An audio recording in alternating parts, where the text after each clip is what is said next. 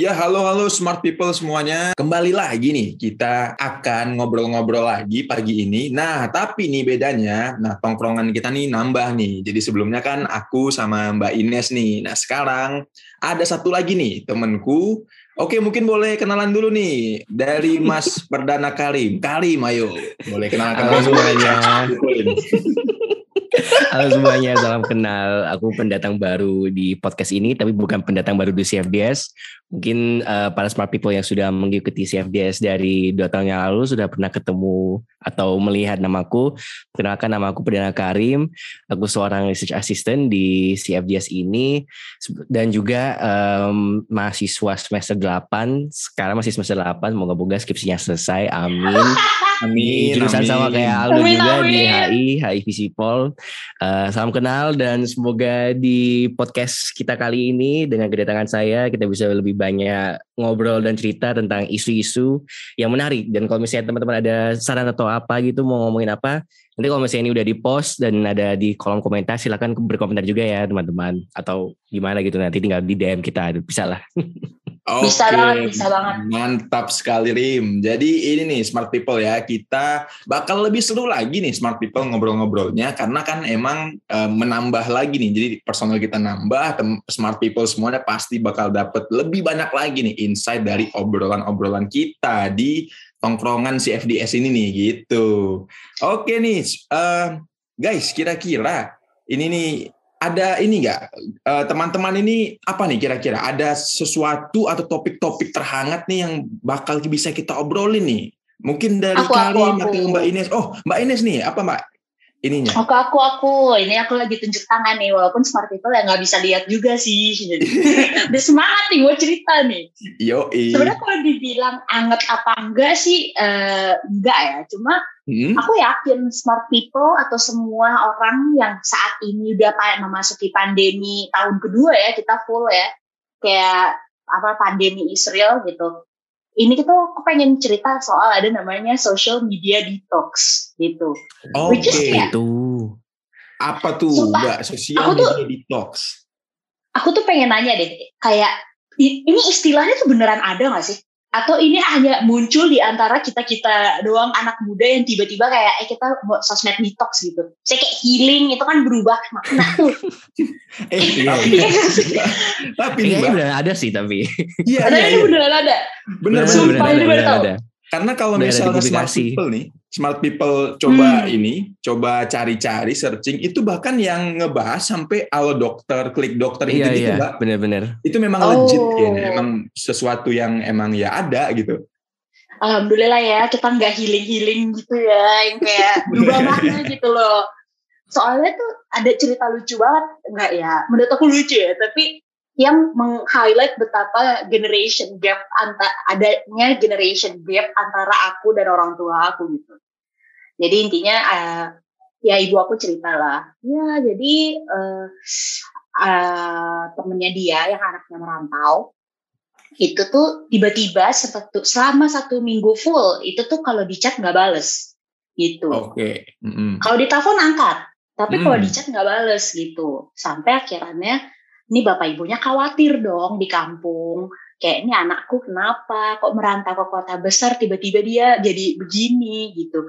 Nah terus tiba-tiba eh, di pokoknya seminggu kemudian ibunya chat kayak kakak kamu kenapa intinya kayak gitu. Terus Hmm. habis itu kakaknya jawab, iya mah aku lagi social media detox. Hmm, Kayak hmm, bapak ibu di kampung kayak bingung Oh. kan apa itu? apakah itu social Ini media apa ini ajaran sesat gitu. apa lagi? Iya. kayak ya Allah kayak ibarat kata kalau kita ditanya orang tua kayak nak kamu ngapain ke Bali aku tuh birthday healing mah gitu kayak terus setelah aku, kan aku dengernya terus aku ketawa dong ngakak banget gitu loh. Nah terus si ibu aku kayak tapi serius loh ini apa sih di social media detox ini? Gitu. Terus aku kayak hmm, kok nih orang nggak tahu? Sementara ini adalah hidup aku gitu loh. Kayak kok tiba-tiba nggak ada angin nggak ada hujan ada temen aku yang kayak eh sorry ya beb gue social media detox. Aku akan kayak nggak ada masalah. This is good for your health sementara orang tua kita tuh nggak tahu apa tuh itu jadi menurut aku kayak oh ini harus diobrolin nih di tongkrongan CFDS nih Ini kan digital Iya. lifestyle banget gitu loh. Benar, benar, benar. Nah, tapi nih Mbak, aku juga penasaran banget nih. Nih mungkin sama Karim juga nih. Sebenarnya apa sih sosial Hmm. media detox itu dan kira-kira em, apa yang dilakukan orang seberapa lama gitu nih? Kalau menurut Mbak Ines apa Karim nih gimana nih? Apa ininya nih? Apakah punya pendapat sendiri gitu? apa ya kalau mungkin kalau Iya. bagi definisiku ini social media detox ya kita nggak pakai social media kan kalau dari kata detox kan berarti kita mengurangi tapi nggak tahu ya berarti kalau misalnya dari kata detox kan tuh uh, implies kalau social media ini adalah suatu hal yang toxic karena. Asik. apa Hmm. ya Ya sebenarnya kalau dipikir-pikir ya nggak salah juga sih kalau misalnya kita lihat sosial media kita sekarang itu kayak udah Betul, lumayan betul. juga kan orang kemarin aja di Twitter itu loh ya Allah itu ada dua ada dua drama terjadi dalam dua hari loh. Pertama gara-gara apa house tournya Dian Sastro jadi terus tahu tuh ngomongin oligarki di Indonesia. Terus kemarin juga ada orang komplain tentang apa sendok plastik terus jadi kayak perdebatan antara penggunaan sendok plastik terus tata krama dalam order apa pesanan lewat ojol dan sebagainya itu kayak ya elah itu kayak domino effect itu loh dari satu satu hal yang kecil terus jatuh ke hal yang besar gitu. Jadi understandable sih kalau misalnya ada orang yang mau social media detox karena emang kenyataannya ya kayaknya social media kita udah lumayan toxic gitu sih. Kalau Mbak Ines gimana? Oke, oke, oke. Agak toxic sih ini. Iya, aku aku sih bingung ya kayak soal social media toxic ini. Aku emang dari sananya bukan orang yang FOMO gitu loh. Kayak apa? Oke, Abisnya FOMO oke. sebagai sebagai Ah, hmm. sebagai generasi Z, aku pun FOMO gitu. Cuma tapi kok misalnya dibandingin yang lain, aku merasa kayak ya FOMO aku masih manageable lah. Aku bisa tuh kayak, eh aku aja nggak tahu kalau ada drama Dian Sastro house tour gitu. Ataupun kayak soal yang sendok plastik di ojol itu aku nggak tahu gitu. Cuma satu sisi tuh apa ya kayak bahkan aku ngelihat hidup teman-teman aku aja itu tuh compounding toxicity gitu loh. Jadi Oke. Kayak- maksudnya capek tahu ngelihat kayak apalah aku aku udah lulus S2 tapi kayak eh, ya ya udah masih gini-gini aja gitu hidupnya. Ya udah gitu. Tinggal sama Hmm. orang tua pada ini pasangan pun belum punya. Sementara aku literally tiap minggu ada yang menikah. Mungkin kalau kalian di semester 8 tiap hari ngelihat teman kalian ada yang sidang pasti jiper gak Sidang. sih? Bener Iya. banget. Kemarin Iya banget. kan? Pasti sih, Mbak. Hari Jumat tanggal 18 banyak banget yang sidang terus aku kayak ya Allah aku Terus kapan apalagi tuh kultur kita sekarang ya aku juga dulu jiper waktu semester 8 ya kayak waktu aku semester 7 sih teman-teman aku kan banyak yang lulus tiga setengah tahun Hmm. itu tuh rasanya tuh kayak toksik banget ngelihat diselempangin, wes bawa bunga. Aku tuh kayak oh, uh, uh, uh, gak bisa harus detox, detox, detox gitu. Oke, oke, oke. Iya, iya. Tapi itu bener Mbak, itu relatable dan juga ya memang tadi kayak kata Karim ya understandable banget gitu. Ada orang-orang yang memang mungkin ya mau melakukan sosial media detox karena hal-hal tadi gitu. Sebenarnya kan itu ini banget ya gitu. Tapi mungkin nih kalau misalnya ini kita telaah-telaah lagi nih ya, Rim sama Mbak Ines. Kira-kira kan tadi detoksifikasi gitu ya. Berarti kan mengurangi ya toksik-toksik nih di media sosial. Nah, kira-kira ada nggak alasan-alasan lain nih mungkin ya yang mungkin adakah cerita dari kali mungkin apa Mbak Ines nih aku penasaran banget ya. Mengapa sih orang ini tuh melakukan uh, sosmed detox gitu? Apakah ada alasan pribadi lain? Ya mungkin ada yang dia nggak stres tapi dia simply ya udah gue pengen fokus ke life real life gue. ya Coba udah, sekarang- lepas, Coba gitu. sekarang aku tanya deh sama kamu dok, kamu tuh pernah nggak pengen banget sosmed detox? Kayak Hmm. sampai di tahap udah muak Hmm. banget gitu sama sama ngelihat bangun scrolling tiap hari gitu, terus kesel gitu. Pernah nggak? Pernah, Mbak. Kalau misalnya kita ngomong-ngomongin eh, ini, pasti pernah. Aku pernah kayak gitu. Tapi mungkin eh, alasan aku tidak melakukan sosial media detox mungkin ini ya, eh, karena masih banyak. Kan aku juga ngikutin banyak hal ya, Mbak. Misalnya kayak basket nih, Hmm. misal. Nah, atau misalnya turnamen Mobile Legends MPL gitu ya. Atau mungkin Nggak. hal aku juga ngikutin lagi. eh, bola gitu ya mbak kayak misal MU nih menang MU kalah Liverpool bla bla bla segala macam nah jadi di satu sisi memang aku sempet banget nih mbak kayak misal buka Instagram mungkin kayak melihat beberapa hal yang akhirnya kayak aduh capek banget deh ngelihat ini lagi ini lagi misalnya ada drama segala macam nah tapi di satu sisi itu juga terimbangi dengan ya tadi mbak mencari sesuatu yang memang aku interest banget gitu. Jadi kayak ya hmm. oh ya, ya, ya udah deh info-info ini bisa dapat nah akhirnya ya mungkin ya sedikit balance lah mbak antara dua hal itu tuh. Kalau dari Karim sama mbak ini sendiri gimana kalau aku sih apa ya, uh, mungkin alasan yang aku men ingin mencoba untuk sosial media detox adalah karena kecanduan sih. Aku kan pernah nulis tuh artikel tentang doom scrolling dan itu rada-rada apa ya beririsan dengan pengalaman pribadi karena hmm. aplikasi TikTok itu benar-benar dirancang sedemikian mungkin biar orang itu kecanduan dan itu kecanduan hmm. itu nyata karena kan segampang tinggal di flick ke bawah namanya dapat konten yang baru terus terus terus terus. Jadi kayak nggak pernah kehabisan gitu loh. Sedangkan kalau misalnya yeah. YouTube kan mungkin kayak ah harus nyari dulu nih kira-kira mana yeah. yang menarik. Dan kita kan hmm. kan harus klik dulu kan ke videonya. Dan kita nggak tahu apakah itu videonya bagus atau enggak meanwhile kalau di TikTok kan langsung kayak langsung nih ada video. Kalau misalnya tertarik dikit di awal dan emang menarik ya kita bakal terusan nonton gitu loh. Tapi nggak kerasa meskipun cuma maksimal ya tiga menit minimal satu menit gitu videonya tapi tahu-tahu udah sejam gitu loh kelewat kayak iya. astaga yeah. ini aku mau cuma yeah, mau yeah, break lima menit doang habis nugas habis kerja bahan bentar habis scrolling tahu-tahu kok udah sejam gitu tuh kan bikin apa ya bikin bikin pusing kayak ya Allah ini waktuku berlalu begitu cepat gara-gara satu aplikasi ini. Iya iya iya iya. Ya, kayak udah akhir zaman kenapa waktu cepat yeah. banget ya. makanya makanya kayak ini ini emang apakah emang waktu sudah apa cepat berlalu atau emang akunya aja yang nggak nyadar gitu loh kayak makanya harus mengurangi deh. Terus aku coba mengurangi tapi ya sama aja nggak bisa.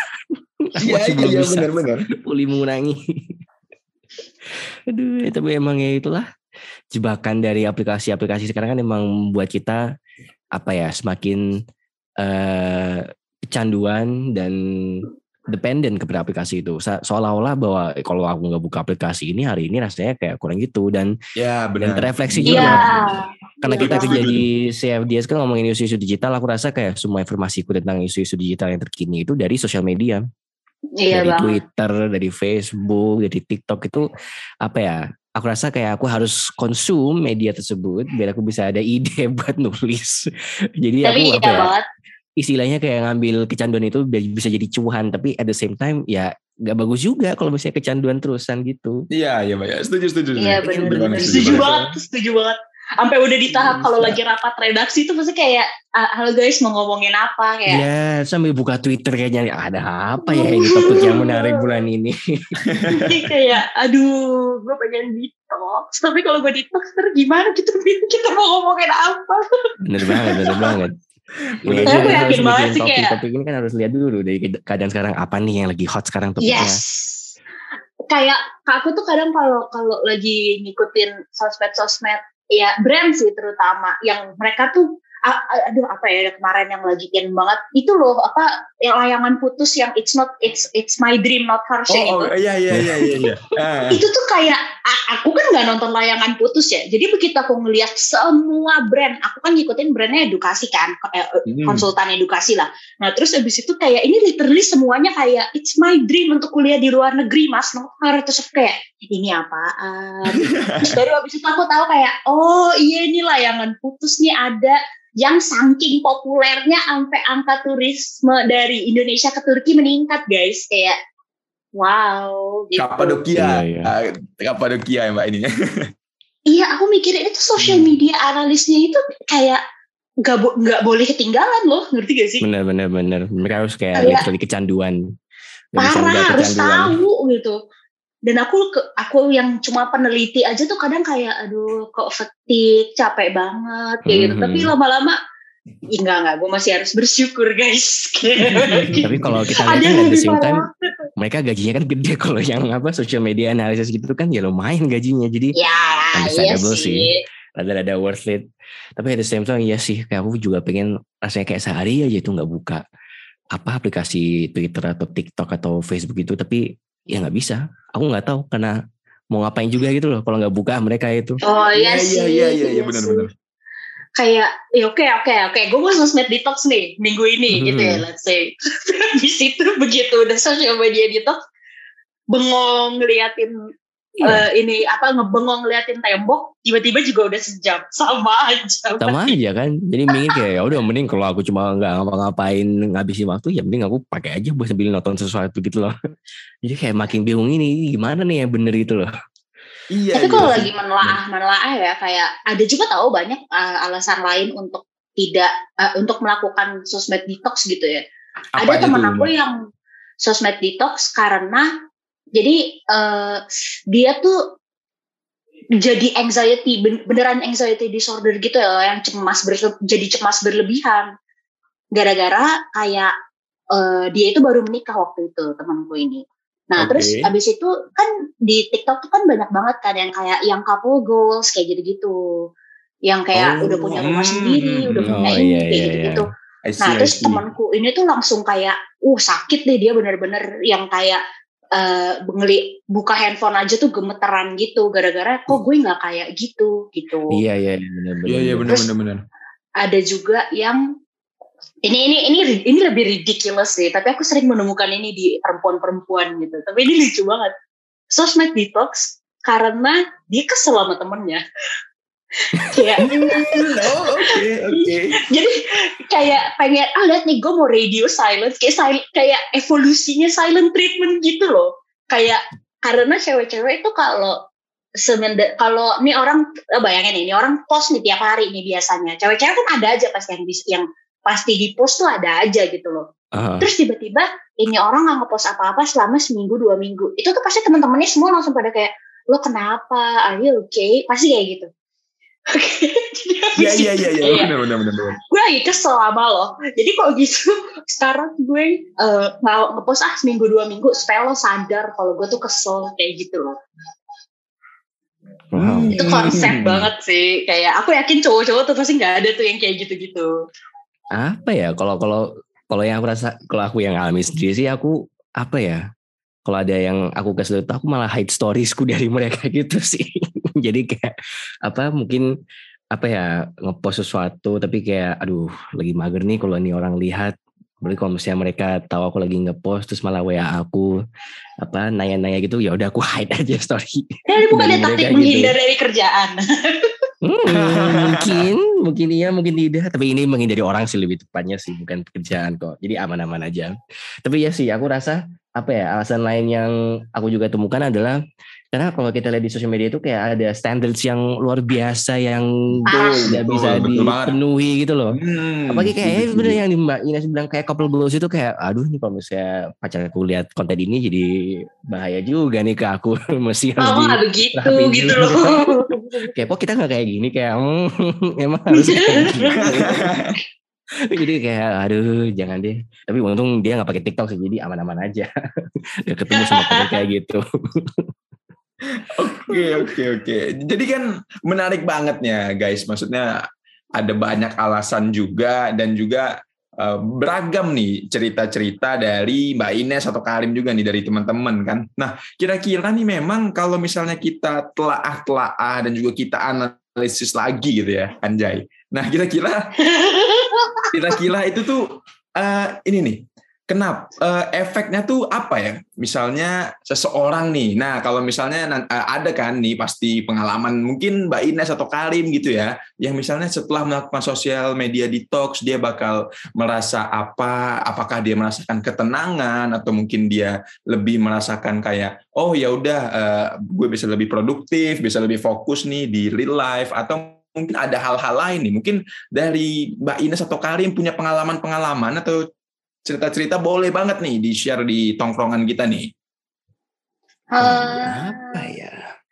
Aduh, aku tuh pernah sosmed detox waktu aku abis uh, lulus lulus okay. S1, uh. aku sosmed detox karena hmm. menurut aku kayak oh, udahlah please gue pengen sendirian dengan kepala gue misalnya kayak gitu loh.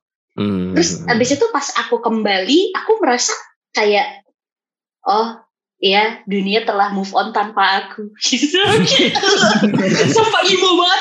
Aku kayak kayak ya yeah. terus teman-teman aku kayak iya lo ini ini ini. Terus aku kayak uh, apaan tuh? Gitu. Iya nggak apa-apa lo lagi detox sih waktu itu. Jadi nggak apa-apa kalau lo nggak tahu. Terus aku kayak gitu ya. Oh ada apa ada apa? Gitu loh. Jadi ada equal uh, equal sense aku seneng karena ya udah aku Hmm. sudah mengambil waktu untuk bersendirian dengan kepala aku dan itu sehat loh menurutku untuk Hmm, oke. kayak just being alone with yourself kayak itu kan aku baru Hmm. lulus aku tuh bertanya aku mau ngapain ke depannya itu aku menyusun ya kehidupan aku selama lima tahun ke depan lah setelah aku lulus ini aku mau ngapain apa yang aku cari kayak gitu-gitu loh dan itu aku lakukan pada saat aku sosmed detox karena kalau Hmm. enggak nanti aku yakin tuh aku akan terpengaruh dengan yang uh, goals gitu couple goals ini goals kayak sukses belum Iya, umur benar. 25 cek kayak gitu Nah, iya iya iya benar Iya, sih, itu, benar itu, sih, itu. benar-benar. Toxic gitu. toxic banget jadi aku mikir ya udah pada ada harus dalam periode detox jadi masih smart people kan pasti banyak juga yang kayak baru lulus S1 maupun S2 yang lagi kayak ini gue mau ngapain ya dalam hidup gue? Nah kalau lagi kayak gitu tuh mendingan ambillah sosmed detox. Tapi pada sisi lain kayak ya career plan aku udah jadi dan aku sudah melakukannya juga tahun ini gitu. Tapi pas aku balik ya gue FOMO juga gitu loh kayak. Bener dunia move on tanpa aku gitu. Tapi ya udah sih kayak aku, aku rasa ini aku nggak tahu ya tapi mari kita ini kan hipotesis ini bersama-sama gitu tapi as you grow older pada saat kita makin bertambah umur ya kan, kita makin tua itu tuh lu jadi punya toleransi yang berbeda juga terhadap toxicity sosmed kayak Hmm. Hmm. aku nggak tahu ya Hmm. tapi in my opinion aku di umur kalian umur berapa sih sekarang dua tiga ya Aku 23, Mbak. Dua-dua. ya kan dua dua dua tiga dan aku sekarang umurnya 25 jadi kayak dalam dua tahun terakhir dua tiga tahun terakhir aja tuh aku merasa aku udah berubah banget dari zaman Kayak- Hmm. eh dead banget gitu. Kalau nggak kalau nggak sosmedan sampai di tahap aku bisa mengakui enough kalau ya gue nggak emang nggak akan bisa keep up gitu loh. Karena social media itu kan infinite resource of information Yes. Jadi gue nggak akan bisa keep up dan itu nggak apa-apa gitu loh. Sampai udah mencapai clarity itu tuh aku mencapainya di umur 24 akhir lah kayak oh ya udah gue nggak akan bisa keep up nggak apa-apa lah gitu loh. Jadi lebih mudah juga untuk mengambil oke gue harus detox sekarang karena ini udah toxic kayak gitu. Hmm. Hmm. Kalau itu bagus sih mbak. Jadi kayak semacam apa ya? Semacam something to look forward to. Kalau misalnya nanti aku udah lulus, itu Moga-moga semester ini selesai lah ya.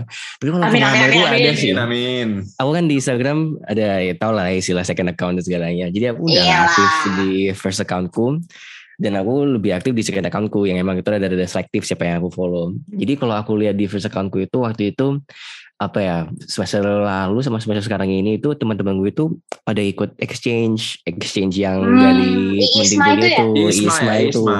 Oke. Nah, itu kan bikin bikin Jiper banget gak sih? banget itu bikin FOMO banget bener-bener FOMO kayak kalau misalnya mereka upload konten tiap hari itu mereka lagi ngapain sama siapa makan apa itu kayak mikir apa ya bikin aku mikir kayak ya Allah kenapa aku nggak daftar sih apa yang membuat Hmm. aku tidak untuk mau daftar kayak ada semacam penyesalan gitu loh. Tapi ada Iya, saya iya, lama kelamaan iya, aku juga mikir ya tapi kalau misalnya aku daftar itu aku nggak bakal ada di posisiku sekarang ini gitu loh. Tapi Iya. aku juga mikir kayak emang posisimu apa sekarang ini? Emang kamu lagi di mana? Iya. kayak ini kamu mau lagi ngapain? Sampai kamu mikir kamu udah nyaman kayak lah iya iya. Jadi kayak semacam ada kayak semacam internal debate lah ya. Wah aku bersyukur nih aku nggak ikut karena aku bisa di posisi ini. Tapi kayak hah posisi apa? Emang kamu ngapain sekarang ini? Tapi ya itu sih kayak jadi makin nyadar kayak I can't be like that juga gitu loh. Kayak bukan berarti nggak bisa tapi kayak emang ini this is my choice yang posisi yang aku Hmm. ini adalah pilihanku sendiri. Karena memang aku emang actively milih nggak daftar ISMA karena waktu itu fokus untuk bikin apa sih proposal skripsi buat sempro waktu itu semester 6 Hmm. tapi sama aja semester 7 nggak ngapa-ngapain. Semester 8 juga masih gak ada stagnan progresnya. Jadi kayak Iya itu loh yang, yang, yang bikin jadi kayak apa ya why I need this social media detox gitu loh. Kayak aku udah nggak usah buka first account nggak usah aktif nggak usah lihat story story mereka gitu loh. Oh, good for them. They look happy Hmm. not me Ini nih. tapi Gimana gimana Rim? ya, gimana gimana Nah, eh, ta- tapi nih kalau dari aku ya, nah ada Hmm. satu perkataan nih Mbak eh, Rim dari orang tua aku yang dulu Hmm. aku kayak susah banget buat nerima, tapi sekarang ketika aku sudah eh, berproses menerima itu ya kayak ya jadi lebih nyaman dan juga lebih enak aja gitu dalam menjalani hidup.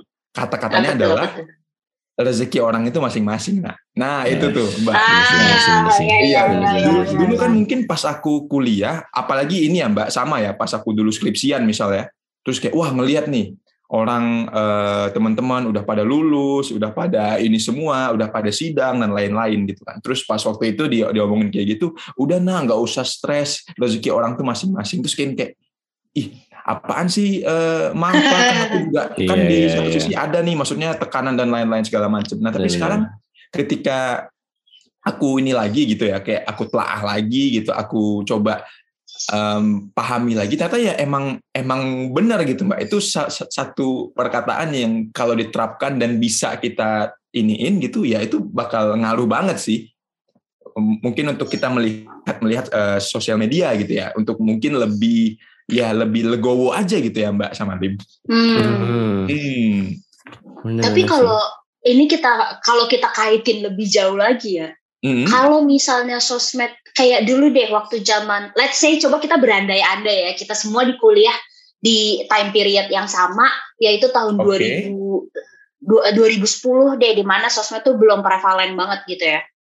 Terus bayangin deh kita tuh berarti hmm. tidak akan terpapar oleh teman-teman kita sidang ngerti gak sih kayak ya, kalau ya, misalnya ya, kita ya, lagi ya. ada di kantin aja terus kita dengar kayak eh nah si Karim sidang kayak gitu terus kayak gue kan cuma kayak oh iya demi apa ya udah selamatin ya gitu tapi kalau aku lagi ada di rumah lagi ngerjain yeah, skripsi yeah, nangis-nangis yeah. sendiri itu kan kalau nggak karena sosmed belum prevalen ya kita nggak akan tahu gitu loh kalau oh yeah. si Iyo si Karim hmm. udah sidang tahunya tuh besokannya atau besok lusanya jadi nggak akan kayak sekarang di mana uh, kayak kita benar-benar bisa lihat langsung abis dia sukses. Bahkan teman aku ada yang hardcore banget dia dia kayak videoin dia lagi sidang gitu loh which is aku kayak gue masa stres kalau kayak gitu?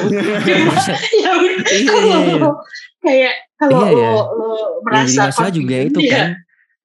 Uh -uh meningkatkan exposure. Karena exposure-nya meningkat kemudian dibut jadi dibutuhin gitu loh yang namanya detox ini. Benar-benar ya betul betul sih. Bener banget bener lagi banget. kalau di angkatan aku kan lagi itu kan karena masih mengerjakan skripsi. Kalau misalnya aku lihat di storynya teman-teman lagi pada kayak ngerjain skripsi atau ngerjain skripsi bareng terus aku mikir kayak ya Allah aku kapan progres kalau kayak gini Kok aku nggak ngapa-ngapain sih gitu. Iya kayak kenapa aku tidak mengapa-ngapain Kayak di mana semangat saya Kapan saya Makanya itu jadi kayak semacam apa ya Nggak, nggak cuma dari segi sidangnya aja Yang yang kita terekspos Tapi progres yang mereka untuk together gitu juga di di expose gitu loh. Iya. Yeah. Dan karena pandemi, karena apa? Karena pandemi ini kan jadi kalau misalnya urusan di fakultas kan kayak harus datang langsung kan. Jadi aku yang jadi perantara gitu loh buat teman-temanku yang udah mau sidang.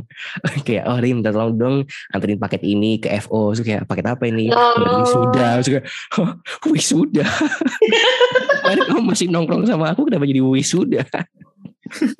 Iya sih, pasti semacam sih. internal ya Allah adalah kita harus berhenti buka TikTok berhenti buka Facebook berhenti buka Twitter kayak udahlah kita break dulu dari kerjaan fokus ke skripsi dulu ini ini kayaknya kenapa aku butuh social media detox karena harus selesai skripsi tapi at the same time skripsi itu tentang RUU PDP di mana kayak itu informasinya dapat dari dari internet kan itu kayak wah itu ngomongin yeah. RUU PDP kan harus up to date dengan berita which is yang yeah, yeah, yeah. dari sosial media jadi kayak setuju, setuju. gimana ini Eh, tapi mungkin kalau misalnya ngomongin detox kayak rata-rata tuh sekala selain pada jiper ada juga orang-orang yang kayak memang sadar secara penuh gitu gak sih? Kayak ah gue jenuh ah udah bye kayak gitu. Misalnya kayak ada teman kita di uh, kantor kita yang bener-bener kayak ya udah gitu kayak please contact me through email thank you gitu. Itu keren sih itu kayak bisa work life balance. itu keren banget sih.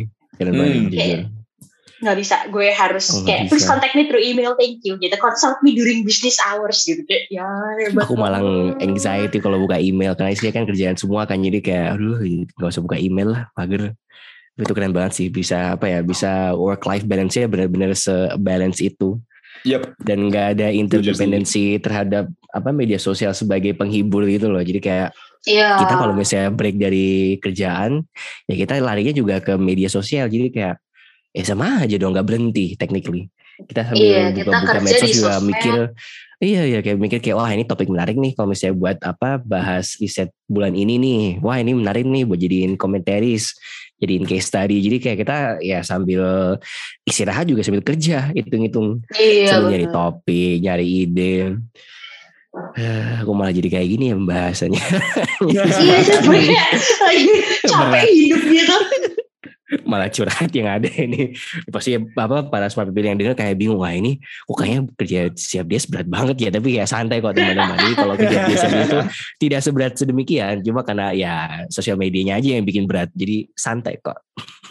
Tapi banyak kayak apa ya? Aku yakin nggak cuma kita di CFDS aja yang ngerasain betapa kayak kerja di kerja di internet. Tapi habis itu kayak menghibur diri juga di internet gitu. Apalagi aku ngerasa pandemi tuh bikin ini jadi gila-gilaan banget gitu loh. Iya, Karena kita- setuju Hmm. banget mbak. Mm-mm. Coba bayangin nih kita di rumah ngapain? Kayak what's apa aktivitas yang bisa kita lakukan di rumah untuk menghibur diri kita gitu? Kan nggak banyak juga gitu. Nggak Tapi banyak. satu sisi kita internetan terus. Nah kalau misalnya eh dari kalian ya kayak kalau mau melakukan sosmed detox tuh tips and triknya apaan ya? Mungkin ini pembahasan terakhir kali ya sebelum kita tutup obrolan kita hari ini. Ada yang mau kelas? Oke.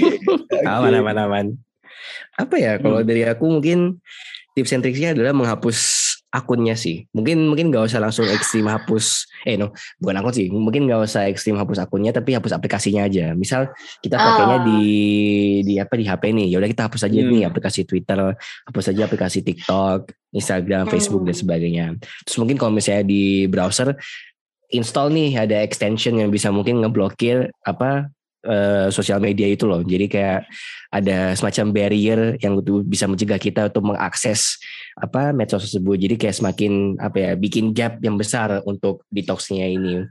Hmm. Dan mungkin apa ya kalau bisa sih ya itu sih apa mungkin harus beli HP baru yang kayak dumb phone itu loh yang kayak HP eh kan Wow, ada kan tuh wow. HP-HP yang itu kan HP-HP yang kayak sesimpel mungkin jadi kayak cuma bisa WA Hmm. sama Google Maps Aduh, nggak iya, bisa iya, buka iya. aplikasi Oke, lain itu kan menurutku kayak ya juga ya kayak semakin lama kayak aku juga makin mikir kayak ngapain HP kok canggih-canggih gitu loh fitur yang kita gunakan juga cuma apa sih media sosial doang gitu loh kayak sebagai Iya. pengguna umum gitu kan Hmm. Terus apa lagi ya? Hmm. aku aku nggak kepikiran sih mungkin dari Aldo ada tips lagi Hmm, kalau dari aku ya mungkin yang pertama banget nih sebelum mungkin melakukan sosial media detox mungkin lebih ke kenalin dulu nih tujuannya tuh apa sih gitu.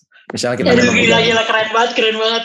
Capek banget gitu kan. Kita memang udah capek di satu aspek atau mungkin kita ada merasakan yang nggak nyaman gitu ya atau hal-hal negatifnya udah terlalu banyak nih gitu. Nah, kita pastiin dulu nih kira-kira tujuan kita nih mau buat apa nih kita melakukan social media detox dan kira-kira nah menurutku juga ya Mbak Lim eh, ada satu hal yang penting itu kayak ya seberapa lama nih kita mau sosmed detox gitu. Karena kan di Hmm. satu sisi juga mungkin kayak tadi ya Mbak eh, tadi ceritanya Mbak Ines gitu ya kayak ada yang nanyain gitu ya mungkin orang tua atau mungkin teman gitu. Nah mungkin kita lebih eh, fokus misalnya kayak oh ya udah aku dalam satu bulan dua bulan ke depan mau off dulu benar-benar off dari sosial media. Tadi juga bisa ya untuk yang eh, Karim ngomongin tadi kayak ya udah kita hapus aplikasinya kita benar-benar off di situ kita nggak ada interaksi lagi di situ. Nah tapi mungkin Hmm. Supaya kita lebih terarah gitu ya mbak. Dan mungkin sosmed detoxnya juga lebih berhasil gitu ya. Ada ininya Hmm. gitu mbak. Kayak misal berapa lama oh aku pengennya dua bulan nih gitu. Nah setelah Hmm, bela- parameter setelah lah aku ya. iya setelah aku udah much better aku udah eh, perasaannya juga udah lebih nyaman dan lain-lain nah aku balik lagi nih. Nah tapi mungkin itu sih Mbak setelah melakukan sosmed detox mungkin nah juga ada beberapa hal nih. Kayak tadi mungkin teman-teman juga udah Mbak Ines sama Karim juga udah omongin juga ya kayak misal lebih ke filter sih Mbak.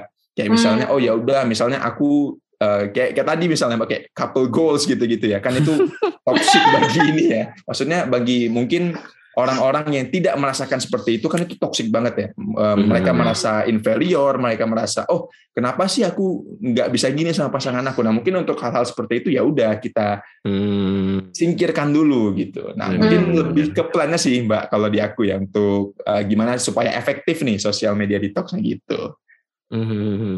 Oh. Bagus itu. Aku aku juga malah kepikiran dari yang apa malah kita bisa mulai dari yang kecil dulu. Kayak misalnya kita mulai satu Iya. hari aja dulu, satu hari dua hari. Jadi kayak apa ya untuk membuat habitnya itu loh. Kalau lama kelamaan nanti jadi kebiasaan kan. Atau udah terbiasa kayak oh aku udah lima bulan nih nggak buka Instagram nggak kerasa gitu loh.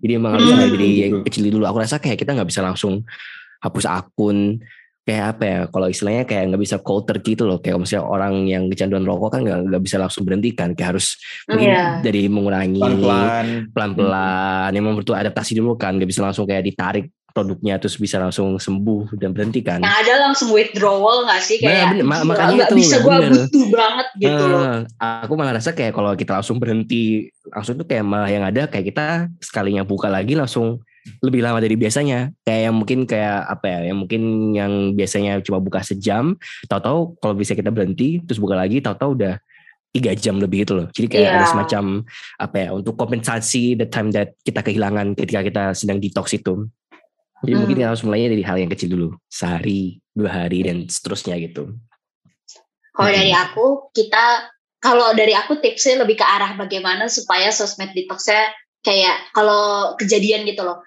Kalau misalnya Aldo kan bener, aku setuju banget kayak efektivitas dari the sosmed detox kita tuh penting banget. Tapi kalau dari aku, aku sedang mencoba untuk melakukan sosmed detox. Tapi ya agak mustahil karena aku researcher FDS gitu. Cuma aku tuh mengganti adiksi aku dengan adiksi yang lain gitu. wah tau gak adiksinya apa? Main Apa? Harvest Moon. oh iya bener sih Oh, Sumpah. oke, Iya, iya, iya. oke, oke, Karena-. Kalau aku sih pribadi melihat itu tuh terapi terapeutik juga Iya, gitu iya, loh. iya. Karena Harvest Moon kan game bertani ya. Terus tiap hari tuh se- ya tiap jam 6 bangun, kasih makan ayam, kasih makan sapi, jual barang, ya siram tanaman. Terus abis itu nyamperin pacar di perpustakaan. Kayak gitu loh. Jadi itu kayak gave me a semblance of routine tapi nggak doom scrolling ngerti gak sih? Oke. Iya iya iya iya iya. itu Kayak- bagus sih. doom scrolling itu kan constantly take new information itu yang membuka membuat Hmm. capek sebenarnya karena sebenarnya manusia kan tuh bukan komputer kan kita tuh tidak didesain untuk terus menerus menerus menerus menerima informasi gitu loh Hmm. itulah kenapa namanya jadi toxic jadi kayak karena compounding gitu jadi dia ada Hmm. terus ada terus ada terus hingga dia menjadi too much dan kemudian jadi racun gitu. Makanya perlu di detox. Nah coba kalau main Harvest Moon ini menurut aku ya guys. Coba kayak Atari atau Natsume atau siapa pun yang merasa kayak enggak enggak kayak gitu. Silahkan hubungi kita di sosmed kita. Kita terbuka banget untuk enggak gue main Harvest Moon. Ada gue malah kecanduan. Ya nggak ada masalah. Mari kita bicarakan gitu. Tapi Iya kalau menurut aku main Harvest Moon tuh kayak membuat aku kayak sebenarnya prinsipnya sama-sama doom scrolling tapi aku tidak menerima informasi baru jadi nggak apa-apa Hmm. kayak gitu Hmm. oke Aku juga mau nambah dikit sih. Aku juga sekarang lagi apa memindah kecanduanku ke game lain, tapi itu gamenya ya rada-rada toksik juga sih. Aku lagi main Yu-Gi-Oh. Sekarang kan Yu-Gi-Oh Masuk ada dulu ya? Masuk dulu aku main. Wah, aku main terus. Aku main terus tuh ya Allah ini kalau misalnya ketemu sama deck-deck yang kayak gitu tuh kayak ya Allah kenapa sih decknya harus yang ini lagi? Jadi kayak aku langsung rage quit kayak surrender. Jadi kayak ya sama aja sih kayak untung sih aku udah nggak nggak buka TikTok lagi. Facebook juga masih masih, masih lah ya. Twitter juga masih lah ya. Tapi kayak at least TikTok udah enggak tapi ya itu skripsi juga nggak dibuka sih gara-gara main Master. Games tapi seru. Tapi ya itu karena ini eh kalau misalnya Harvest Moon kan kayak apa ya bayangan tuh kayak no thoughts head empty gitu loh jadi kayak main ya main Emang aja bener, kan, klik, klik, emang klik. bener tapi kalau Yu-Gi-Oh kan kayak ini nih ini dia ngeluarin Harus mikir ini sih. aku harus harus gimana ini ini strategiku tiba-tiba dibantai sama dia aku harus gimana ini jadi kayak malah makin pusing ya ada tapi the same time itu kayak Iya. semacam stimulus tuh loh bagi aku stimulus yang positif daripada kalau misalnya buka TikTok kan kayak ya ada stimulusnya tapi kan kayak cuma nerima konten nerima apa adanya nggak kita critical thinking gitu loh tapi kalau main Iya. game menurutku kayak lebih ke apa ini langkah selanjutnya gitu loh. Tapi ya sama aja sih time consuming. Aku di Steam udah kayak clock in 80 jam main Master Duel. Jadi kayak itu udah problemnya sendiri sih. Tapi that's another problem gitu loh. That's game addiction, not social media detox gitu. Ya. Ke aku sih pikirnya kayak ya udahlah apa pun yang penting gak sosmed. bener bener bener. In moderation. Yang penting in moderation. Betul. Yes, Sampai yes, ada yes, siapa yes, tahu gue ada juga. hari utopis gitu ya di mana aku bisa kita semua dan smart people gitu bisa mengendalikan the amount of game we consume the amount of sosmed we consume sama the amount of work we consume Amin. Kayak Amin. sampai udah dunia utopis pie chartnya tuh kayak seimbang gitu loh kayak aduh Mhm. gila gila gila gila Hmm. nungguin banget sih hari itu terjadi Amin amin amin. Oke nih Mungkin udah kita kali ya. udah ngobrol ba- banyak banget ya hari ini nih smart people tadi sama Mbak Ines sama Karim juga kita udah sharing-sharing kita juga udah ngasih uh, saling bertukar tips dan trik gitu ya smart people ya. Oke smart people terima kasih banyak nih yang udah uh, join di obrolan tongkrongan kita di ngobrol di Lead CFDS. Nah jangan lupa nih smart people semuanya untuk tetap up to date dan juga tetap mengikuti apa pun terkait dengan ngobrol diri dan juga uh, CFDS event-event CFDS lainnya dapat dilihat di mana Mbak Ines dan juga Karim Di, di Instagram kita Instagram kita at CFDS underscore UGM ya nggak sih? Iya, di Twitter kita juga bener. dengan di Twitter kita juga dengan user yang sama. Terus ada juga di website kita nggak sih do apa sih? CFDS CFDS. visible Visible. ugm.ac.id Yes. Oke. Yes. Oke, oke smart people jangan lupa minggu depan dan minggu depan kita pasti akan banyak lagi nih ngobrolin-ngobrolin hal-hal lain yang pastinya lebih menarik, lebih oke lagi nih di ngobrol di lead. Oke, kalau gitu smart people sampai jumpa. Bye bye. Bye bye. Thank you.